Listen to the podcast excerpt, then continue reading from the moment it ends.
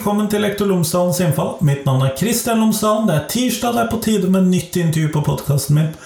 Denne uken så er vi så heldige å få et intervju med Mari Kristine Jorde, som er stipendiat ved Høgskolen på Vestlandet. Jeg skal snakke med henne om hva det vil si å være norsk. Og jeg, vi skal snakke om bl.a. nordisk fenomenalisme, vi skal snakke om Grunnloven, vi skal snakke om 1814, vi skal snakke om andre aspekter knyttet til hvordan vi ser på hva som er norsk, og hva som definerer dette med å være norsk. Sånn at det blir eh, interessant å høre på. Veldig viktig for samfunnsfagsundervisningen, og det kommer heldigvis i god tid før mai kommer igjen, og dette sikkert blir et viktig tema i undervisningen. Her får du intervjuet. Vær så god.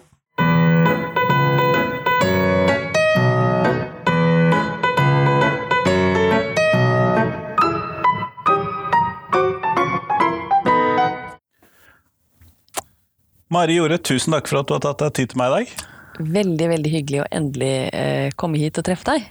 Ja, det har tatt litt tid i planlegging, men mm, før vi starter eh, selve intervjuet, så hadde jeg håpet at du kunne fortelle lytterne mine tre ting om deg selv, sånn at de kan bli litt eh, bedre kjent med deg. Ja. Eh, jeg er da eh, en dame på 36 år. Jeg er ansatt som stipendiat på Høgskolen på Vestlandet, men bosatt i Lillesand, så jeg har migrert til Sørlandet. Ja, litt reisevei. Litt reisevei, eh, men jeg er ferdig med det meste av eh, forpliktelser i Bergen. Eh, så nå er det for det meste skriving og barn og litt politikk. Det må til. Det må til. Nei, men Kjempeflott. Du skriver i det, arbeidet ditt som stipendiat, så skriver du om hvordan vi ser på det å være norsk, eller det å være vestlig i samfunnsfagsundervisningen. Mm. Og det må du fortelle mer om. Ja. Uh, ja uh, hovedproblemstillingen min er, uh, er, knyttet til hvordan vi konstruerer norskhet og vestlighet i samfunnsfagsundervisningen på ungdomsskolen. Jeg har gjort et feltarbeid hvor jeg har observert tre forskjellige klasser på én skole. I en av liksom, de større byene her på Vestlandet. Og så har det kommet eh, frem veldig interessante ting, syns jeg. Eh, jeg har nå publisert eh, to artikler. En som heter 'Fortellinger om 1814'. Forestillinger om det eksepsjonelle norske demokrati. Den tar utgangspunkt i et prosjektarbeid om Grunnloven 1814, som jeg var med og observerte. Og hvor det eh, fremkom en litt sånn eh, harmoniserende eksepsjonell fremstilling av, av, den norske grunnloven. Da. Altså litt forherligende om eh, fremkallingen av denne grunnloven? Ja, ja litt forherligende.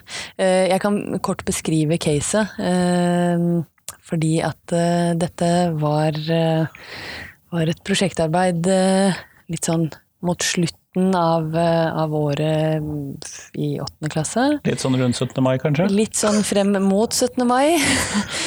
Elevene fikk, eh, fikk, i oppgave å lage en brosjyre eh, om Grunnloven 1814. og læreren vektla veldig sterkt i starten av prosjektet at dette var et prosjekt hvor de skulle ta ta styringa sjøl. De skulle gjerne bruke andre kilder enn læreboka. De skulle eh, fylle på en måte denne brosjyren med det de selv syntes var interessant og hadde ønsket å vite. Og eh, læreverket som ble brukt på denne skolen, eh, Matrix, eh, det eh, legger opp til ganske sånn gode, informative diskusjoner om Grunnloven. Eh, det er både mye fokus på eh, maktfordeling og, og, rettsstatsprinsippene og på en måte arven fra det, Eller det man kan kalle arven fra den franske og amerikanske eh, revolusjon og frihetskamp, og grunnlovene der. Men den diskuterer også noen av de mer problematiske sidene ved Grunnloven i Norge, som f.eks. at vi hadde en jødeparagraf. Og den jødeparagrafen utstengte jøder, jesuitter og munkeordner fra landet, og påbød alle å oppdra barna sine i kristen tro. Luthersk tro. Ja, luthersk tro. Eh, og det er en veldig interessant, eh, interessant paragraf eh, i den norske grunnloven av 1814, som har vært ganske mye diskutert. Det som oppsto i dette prosjektarbeidet, var at eh, det, veldig mange la seg liksom på en sånn ganske sånn harmoniserende fortelling om den norske grunnlov. Veldig forståelig. De er åttendeklassinger, eh, men det var én gruppe som valgte å ta med jødeparagrafen som den siste siden av sin brosjyre. Um, og i det eh, læreren kommer til, denne gruppa og leser gjennom brosjyren, så oppstår det en veldig intens og opphetet diskusjon. Eh, som jeg sitter veldig på kloss hold og observerer. Eh, og hvor, eh, hvor, det påstås eh, fra lærerens side at eh, jødeparagrafen er irrelevant for å forstå den norske grunnlov. Eh, og det diskuteres, og elevene forsøker å, å forsvare valget sitt. Eh, de har ikke på en måte kommet så langt i på en måte det Hva skal jeg si? De har ikke kommet så langt at de klarer å begrunne dette eh, veldig godt. De sier at det står her, og peker da på boka. Det sto jo i Grunnloven, men det var jo en del av Grunnloven. Og prøver å løfte dette som, eh, som eh, begrunnelsesramme, men møtes av lærerens svært insisterende eh, argumenter om at eh, Om hvorfor de ikke eh, har med at dette var den mest demokratiske grunnloven av sin tid. Den bygget på den franske og amerikanske eh, grunnloven, og at den eh, hadde eh, rettsstatsprinsippene og maktfordelingen som eh, på en måte sitt grunnlag. Og dette er da utgangspunktet, denne dialogen, denne opphetede diskusjonen, er utgangspunktet, det er caset i min første første artikkel. Um, jeg syns jo det er veldig interessant hvis jødeparagrafen skulle være irrelevant. Jeg mener, så mange paragrafer er det ikke i denne grunnloven. Det er ikke det, og jødeparagrafen hadde en ganske eh, sentral plassering som paragraf to i den norske grunnloven. Eh, og hvis man skal på en måte forstå jødeparagrafen mer, noe jeg måtte gjøre i arbeidet med artikkelen for å skrive den frem, så fins det Altså, Jødeparagrafen er omdiskutert.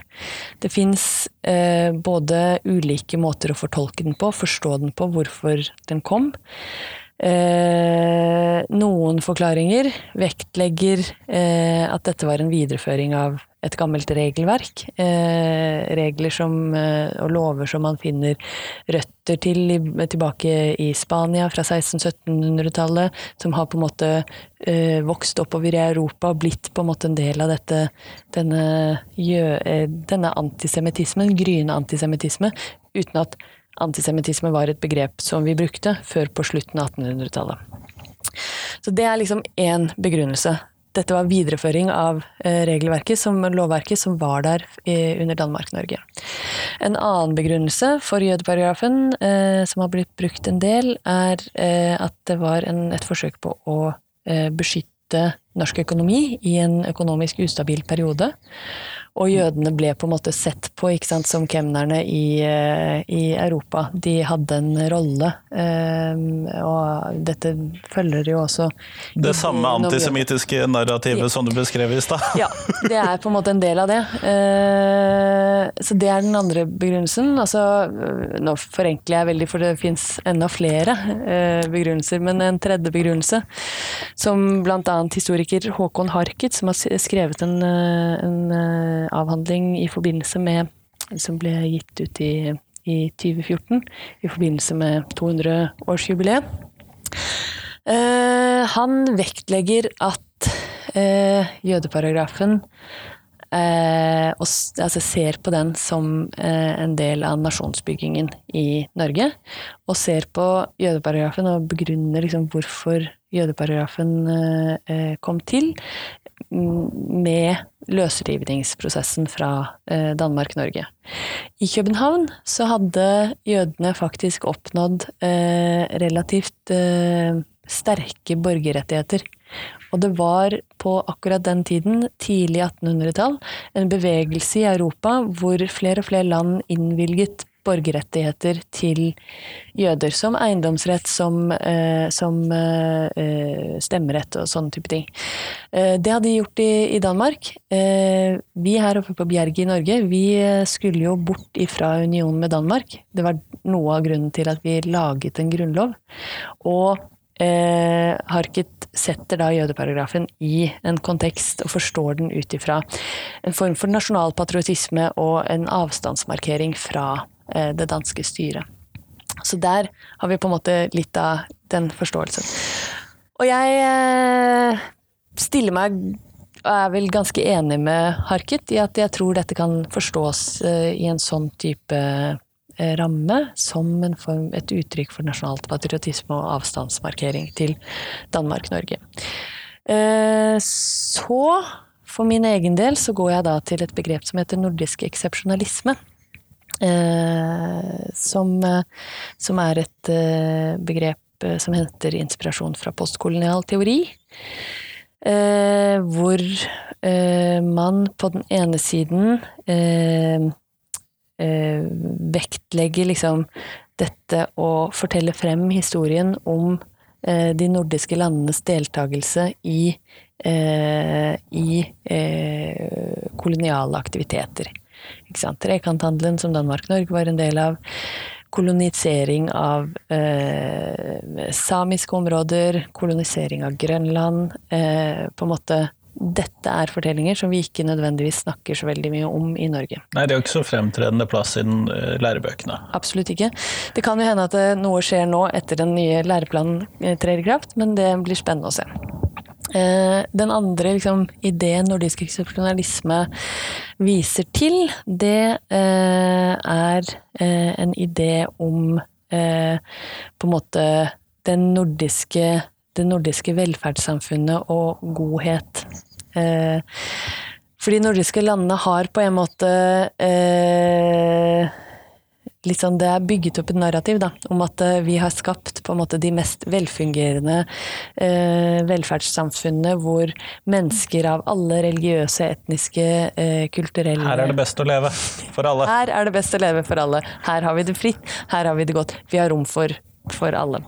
Eh, og den type godhetstenkning har vel mm, i norsk sammenheng eh, kommet ganske frem i liksom, forskning på f.eks.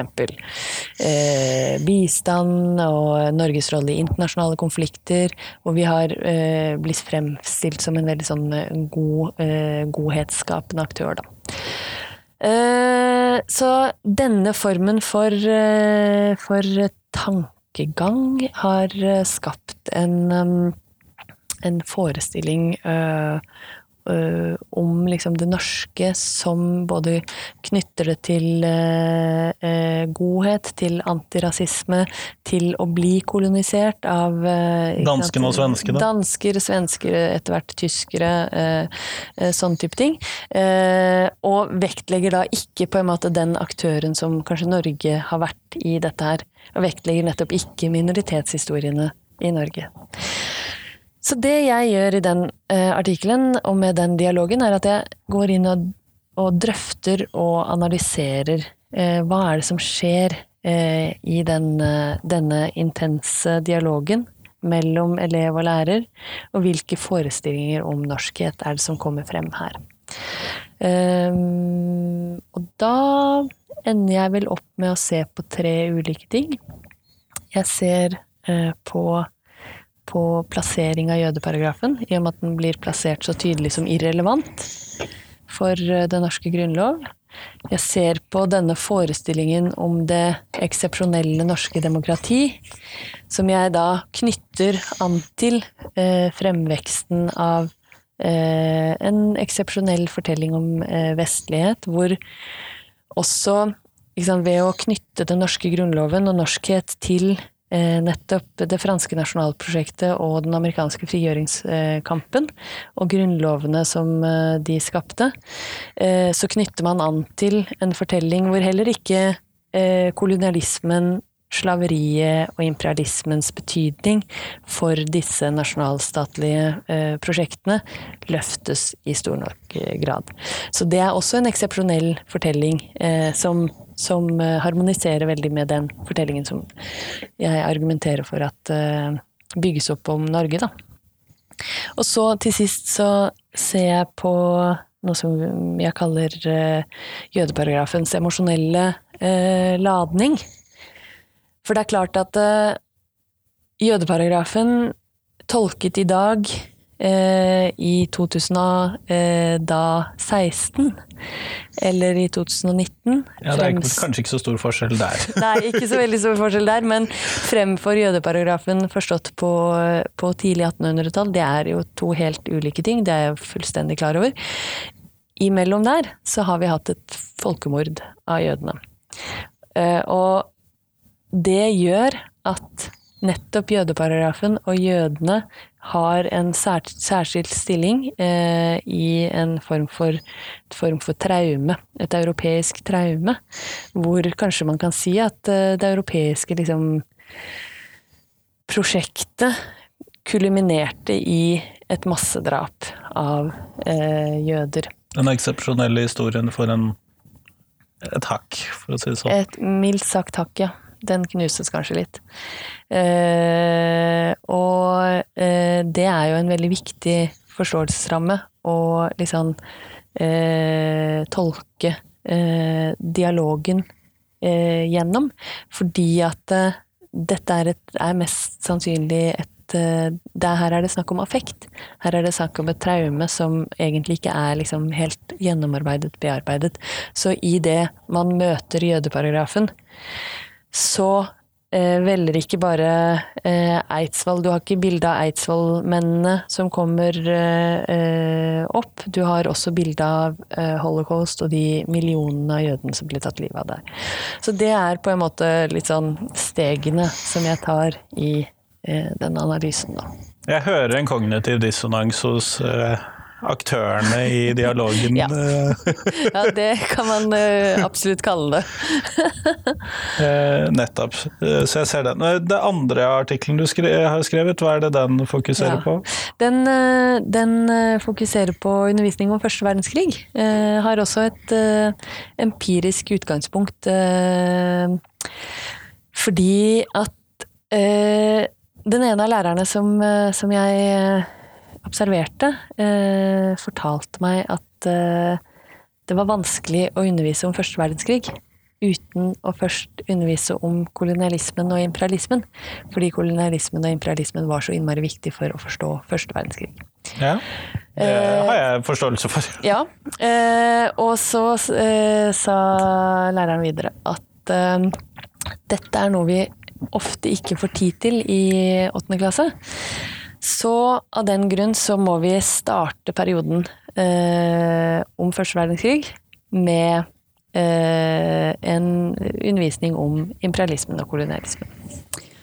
Eh, og så ble jeg veldig sånn Yes, ok, dette syns jeg er kjempeinteressant og spennende å være med på. Eh, kunne observere undervisning om kolonialismen og imperialismen ville vært utrolig interessant.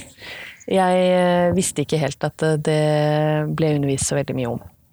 Eh, det viste seg vel at det ble det ikke. Fordi at ettersom jeg liksom feltarbeidet skred frem, så, så Og vi kom liksom frem til første verdenskrigsperioden, så hadde jeg utvidet klassetilfanget mitt, så jeg skulle nå observere tre klasser. Og lærerne i de tre klassene sa nei. Vi pleier aldri å undervise om kolonialismen og imperialismen før vi underviser om første verdenskrig. Så det kan være veldig mange begrunnelser for at lærerne ikke gjør det. Eh, noen begrunnelser kan helt klart knyttes til tid. Eh, det er mange kompetansemål som skal dekkes. Eh, de kan ikke f.eks. ikke ha ressurser, ikke være klar over på en måte viktigheten av kolonialismen og imperialismen. Det kan være mange pragmatiske begrunnelser for eh, et slikt valg. Men det kan også ses på som eh, det man kan kalle eurosentrisme. Og en eurosentrisk eh, historieforståelse. Dette skjer ikke i Europa, sånn store og det hele? Ja. Eh, og Noen unntak, selvfølgelig. noen unntak, eh, men det er på en måte den, det, den forståelsen, den fortolkningen, som jeg eh, starter artikkelen med. Å si at eh, i denne artikkelen så har jeg lyst til å eh, undersøke hva som skjer med fortellingen om første verdenskrig når man eh, altså sett gjennom eurosentrisme, eh, og, men med et empirisk materiale som, som eh, eh, på en måte eh, ikke behandler imperialismen og kolonialismen. Eh, så konklusjonen min i den, den artikkelen er rett og slett at imperialismen og kolonialismen anerkjennes som en begrunnelse for eh, krigen. Eh, det nevnes og undervises om som en, en, en av fire punkter. Eh, en begrunnelse for Det var et eh, imperialistisk kappløp. eh, og rivalisering om eh, koloniene. Det er en begrunnelse. Men eh, imperialismen og kolonialismen anerkjennes ikke som en del av denne krigens historie, hvilket det i aller høyeste grad var. Dette var en krig som foregikk i Mesopotamia, det foregikk i Afrika. Det hadde vanvittig mye å si for veldig mange av eh, eh, ja, de afrikanske statene. Det var blodige borgerkriger eh, der. Hvis man skal eh, se på en høyaktuell eh, konflikt, et konfliktområde, vil jeg nesten si, Midtøsten, så kan man gjerne starte den historiefortellingen med hva som skjedde både under og i etterkant av første verdenskrig, hvor det franske og britiske eh, imperiet nådde på en måte sine eh, eh, høyder ved at de gikk inn eh, De hadde støttet araberne i sitt opprør mot ottomanerne, og eh, de gikk inn og koloniserte og delte Midtøsten mellom seg. De statsgrensene som de opererte med der, er i stor grad de statsgrensene som, eh, øh, som man ser konturene av i dag. Og vi kjenner til de konfliktene som er i regionen. Der har de vestlige stormaktene en, et kjempeansvar som vi trenger å anerkjenne. Det samme skjedde i Afrika, eh, med veldig mange av de afrikanske statene. Ble, de var jo allerede delt opp. Eh, og dette fortsatte, og det ble delt og kappet og herjet eh, på tvers av etniske grenser, på tvers av, eh, av grenser som hadde vært der. Eh, de ulike kolonistatene innførte ulike styringssystemer, som i dekolonialiseringsperioden eh, gjorde det veldig, veldig vanskelig å samle stater og få stater til å fungere, fordi at det var bygd opp helt ulike systemer.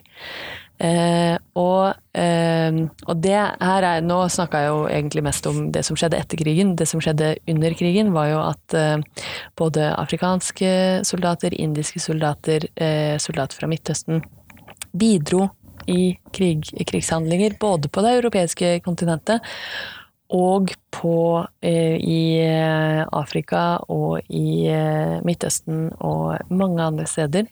Og de led enorme tap. Og eh, dette er på en måte en svært sentral del av krigshistorien. Det var ikke en krig som utspant seg kun i skyttergravene på det europeiske kontinentet. Dette var en krig som i veldig stor grad utspant seg mange andre steder. Ja, det har jo fått en, navnet en verdenskrig sånn. Ja, av en grunn. det har det, altså. Mm. Så dette hører med inn i denne fortellingen om det norske og det vestlige inn i samfunnsfagsundervisningen. Som er mitt, mitt, min konklusjon etter disse to artiklene, er at det er eh, Det er ganske harmoniserende, eksepsjonelle fortellinger som vi forteller frem. Eh, og det er fortellinger som også er styrt av en ganske sånn sånn et metanarrativ eh, og en linearitet, da.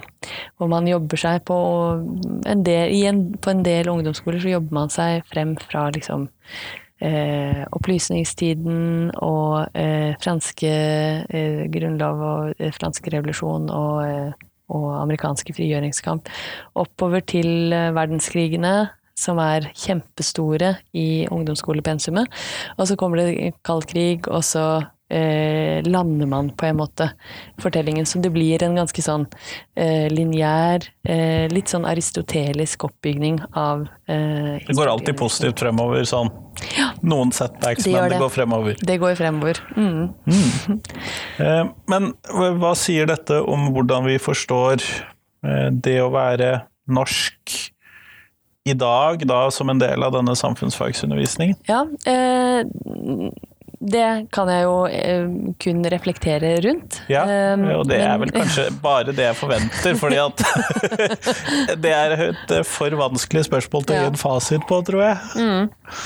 Altså det jeg tenker er at eh, det er utrolig viktig å anerkjenne at vi har eh, en broket historie eh, som består av eh, utrolig mange hendelser. Eh, minoritetshistorier er utrolig viktig å løfte frem som en del av eh, fortellingen om Norges historie. Det er kanskje konklusjonen etter jødeparagraf, eh, eh, om 1814-artikkelen.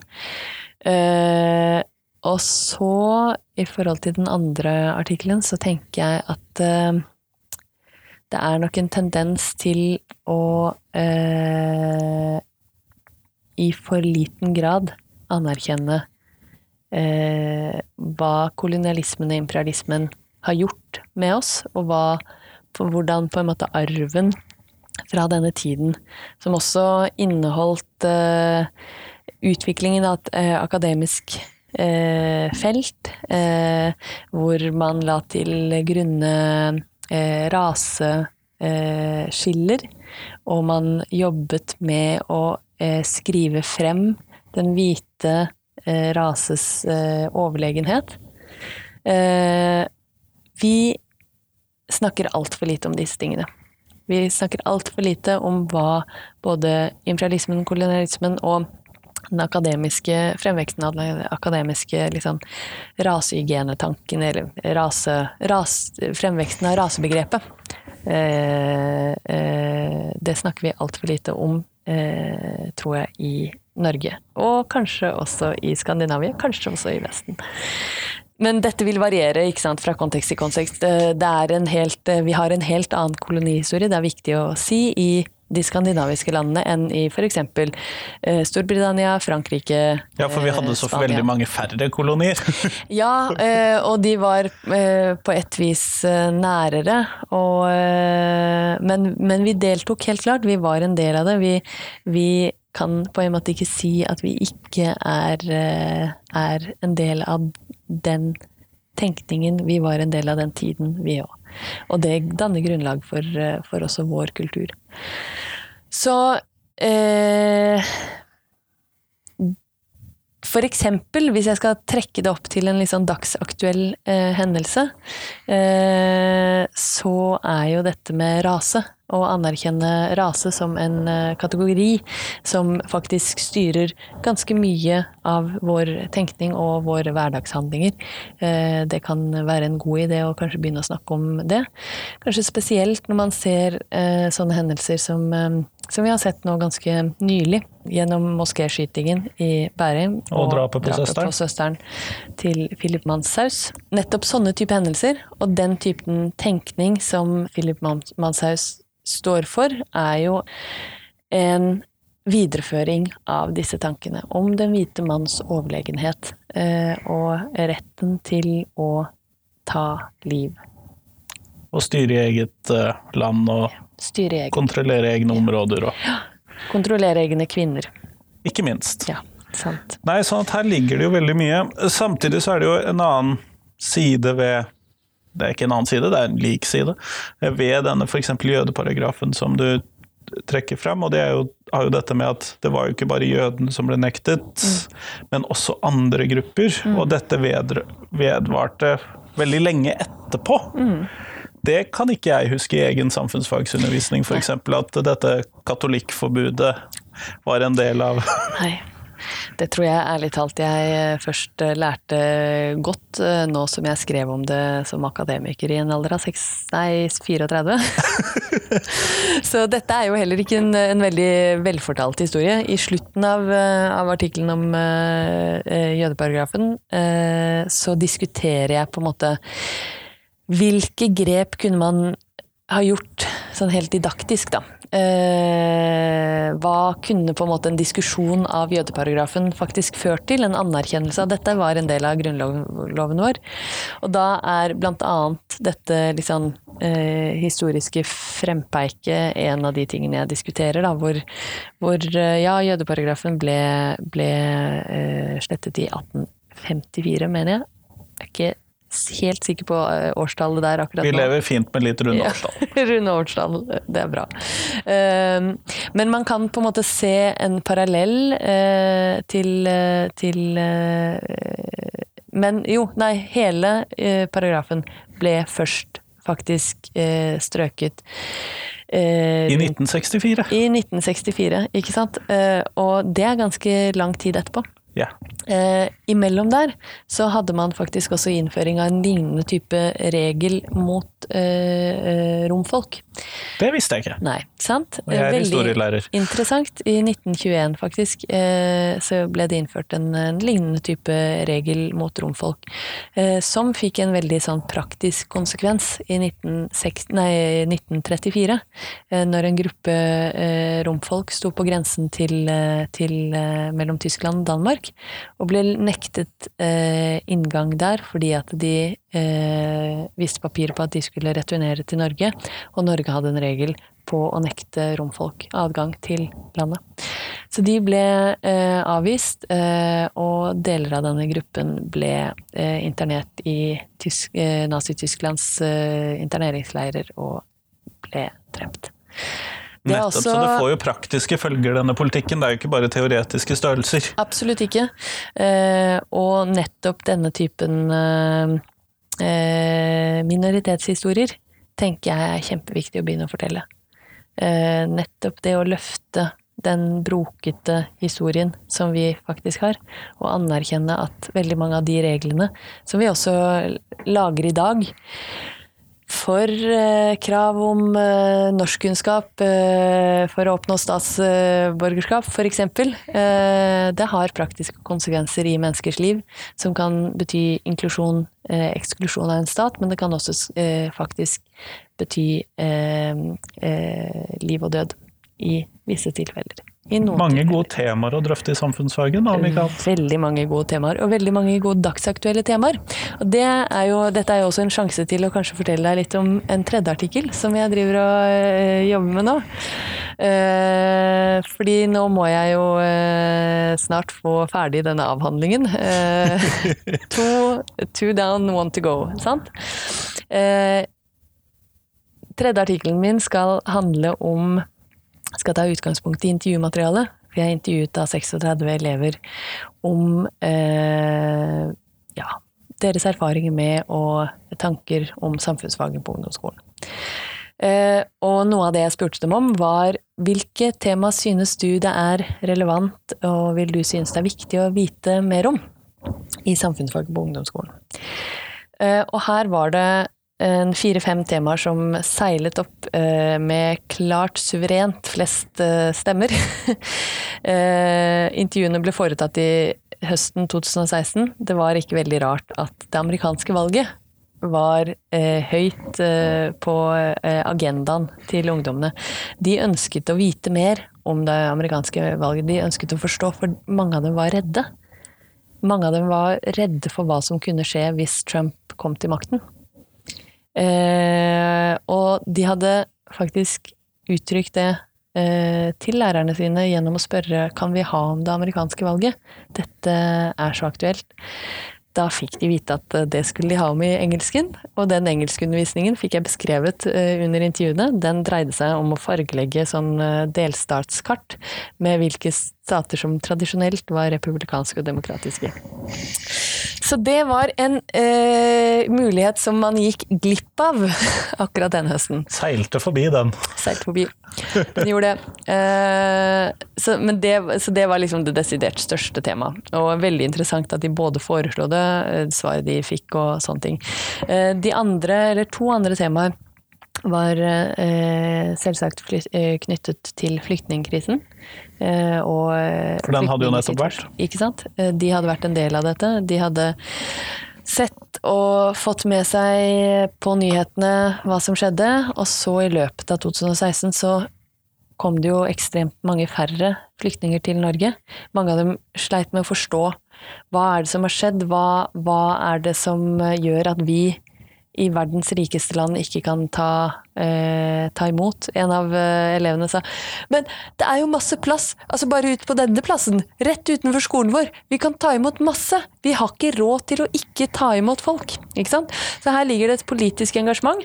Eh, og eh, som kanskje på en måte resten av eh, mediebildet også.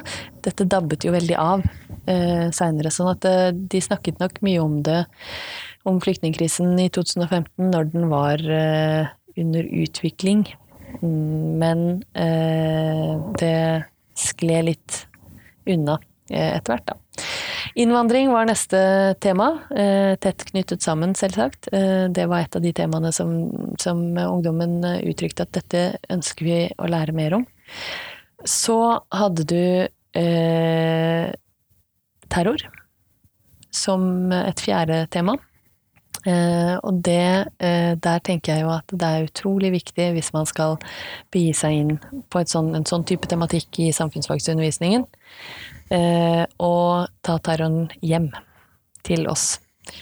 Akkurat på det tidspunktet så hadde vi Så var det vel da fem-seks år siden eh, 22. juli. Det er en utrolig viktig hendelse i norsk historie, nyere historie. Nå har vi dessverre også en, enda en hendelse som har fått fatale konsekvenser for eh, en person. Eh, så både islamistisk terror, som man eh, ser mye i mediebildet, men også eh, terror knyttet til eh, Eh, norsk høyre? Norsk høyrepopulisme. Ja. ja. Er utrolig viktig å tematisere, tror jeg. For dette er brennheite tema. Og det er tema som er vanskelig å bygge meningsgivende narrativ rundt. Det er såkalte kontroversielle tema. Og det vi vet om kontroversielle tema, eh, det er at eh, elever ofte synes det er viktig å få undervisning om. Og så er det konfliktfylt, det er ambivalent, det er komplekst og sammensatt. Så vi vet at det er mange lærere som frykter sånne type tema. Så det er det jeg på en måte skal inn i nå videre.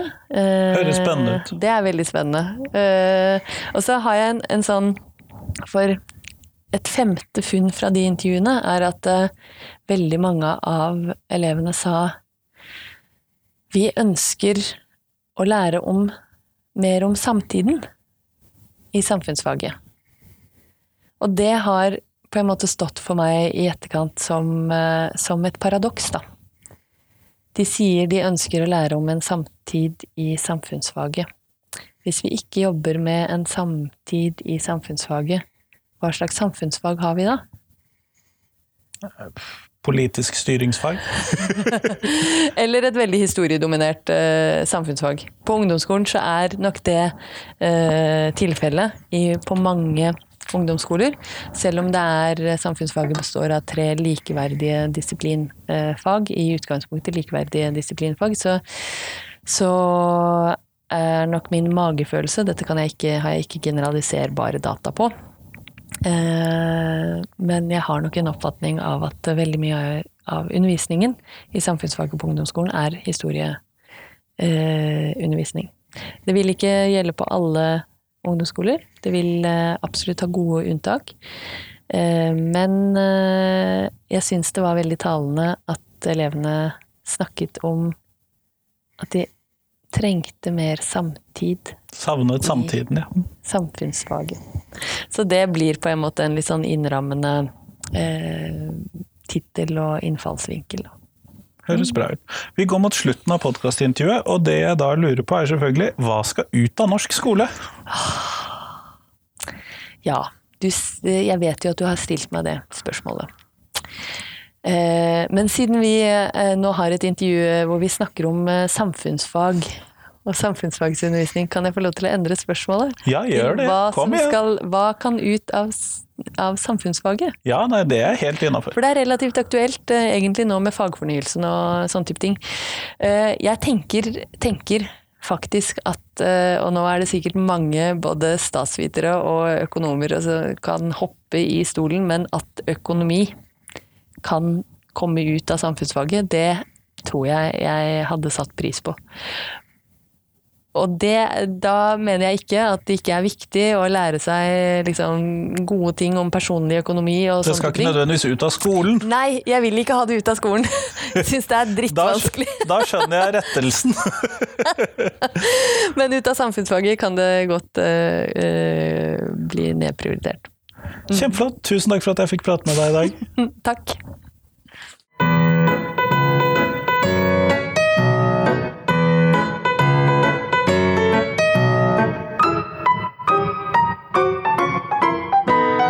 Tusen takk til Mari Kristine, og tusen takk til deg som hørte på. Nå er det en uke igjen til neste podkastintervju, og da kommer endelig intervjuet med Ove Østerli. I det intervjuet ble flyttet en uke, sånn at det kommer i oktober, og ikke som det siste intervjuet i, november, i september, altså det du hører på nå.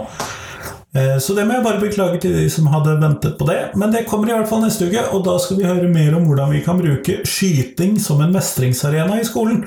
Og det som lærer å si den setningen føles fremdeles veldig rart etter det intervjuet, men det skal du få høre mer om i intervjuet, hvor det kommer klarere fram hvorfor dette kan være en god mestringsarena.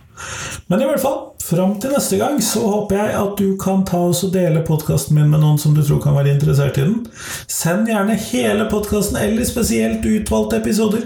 Jeg har også på SoundCloud laget en ny Ti på toppliste, hvor du ser hva som er de mest populære intervjuene på podkasten for tiden. Og da kanskje du oppdager at det er et intervju du ikke har hørt fra før, og som åpenbart veldig mange har satt pris på. Sånn at eh, gå inn der og se etter om du finner det på SoundCloud, altså. Men i hvert fall, fram til neste uke så får du ha en fin uke. Hei, hei!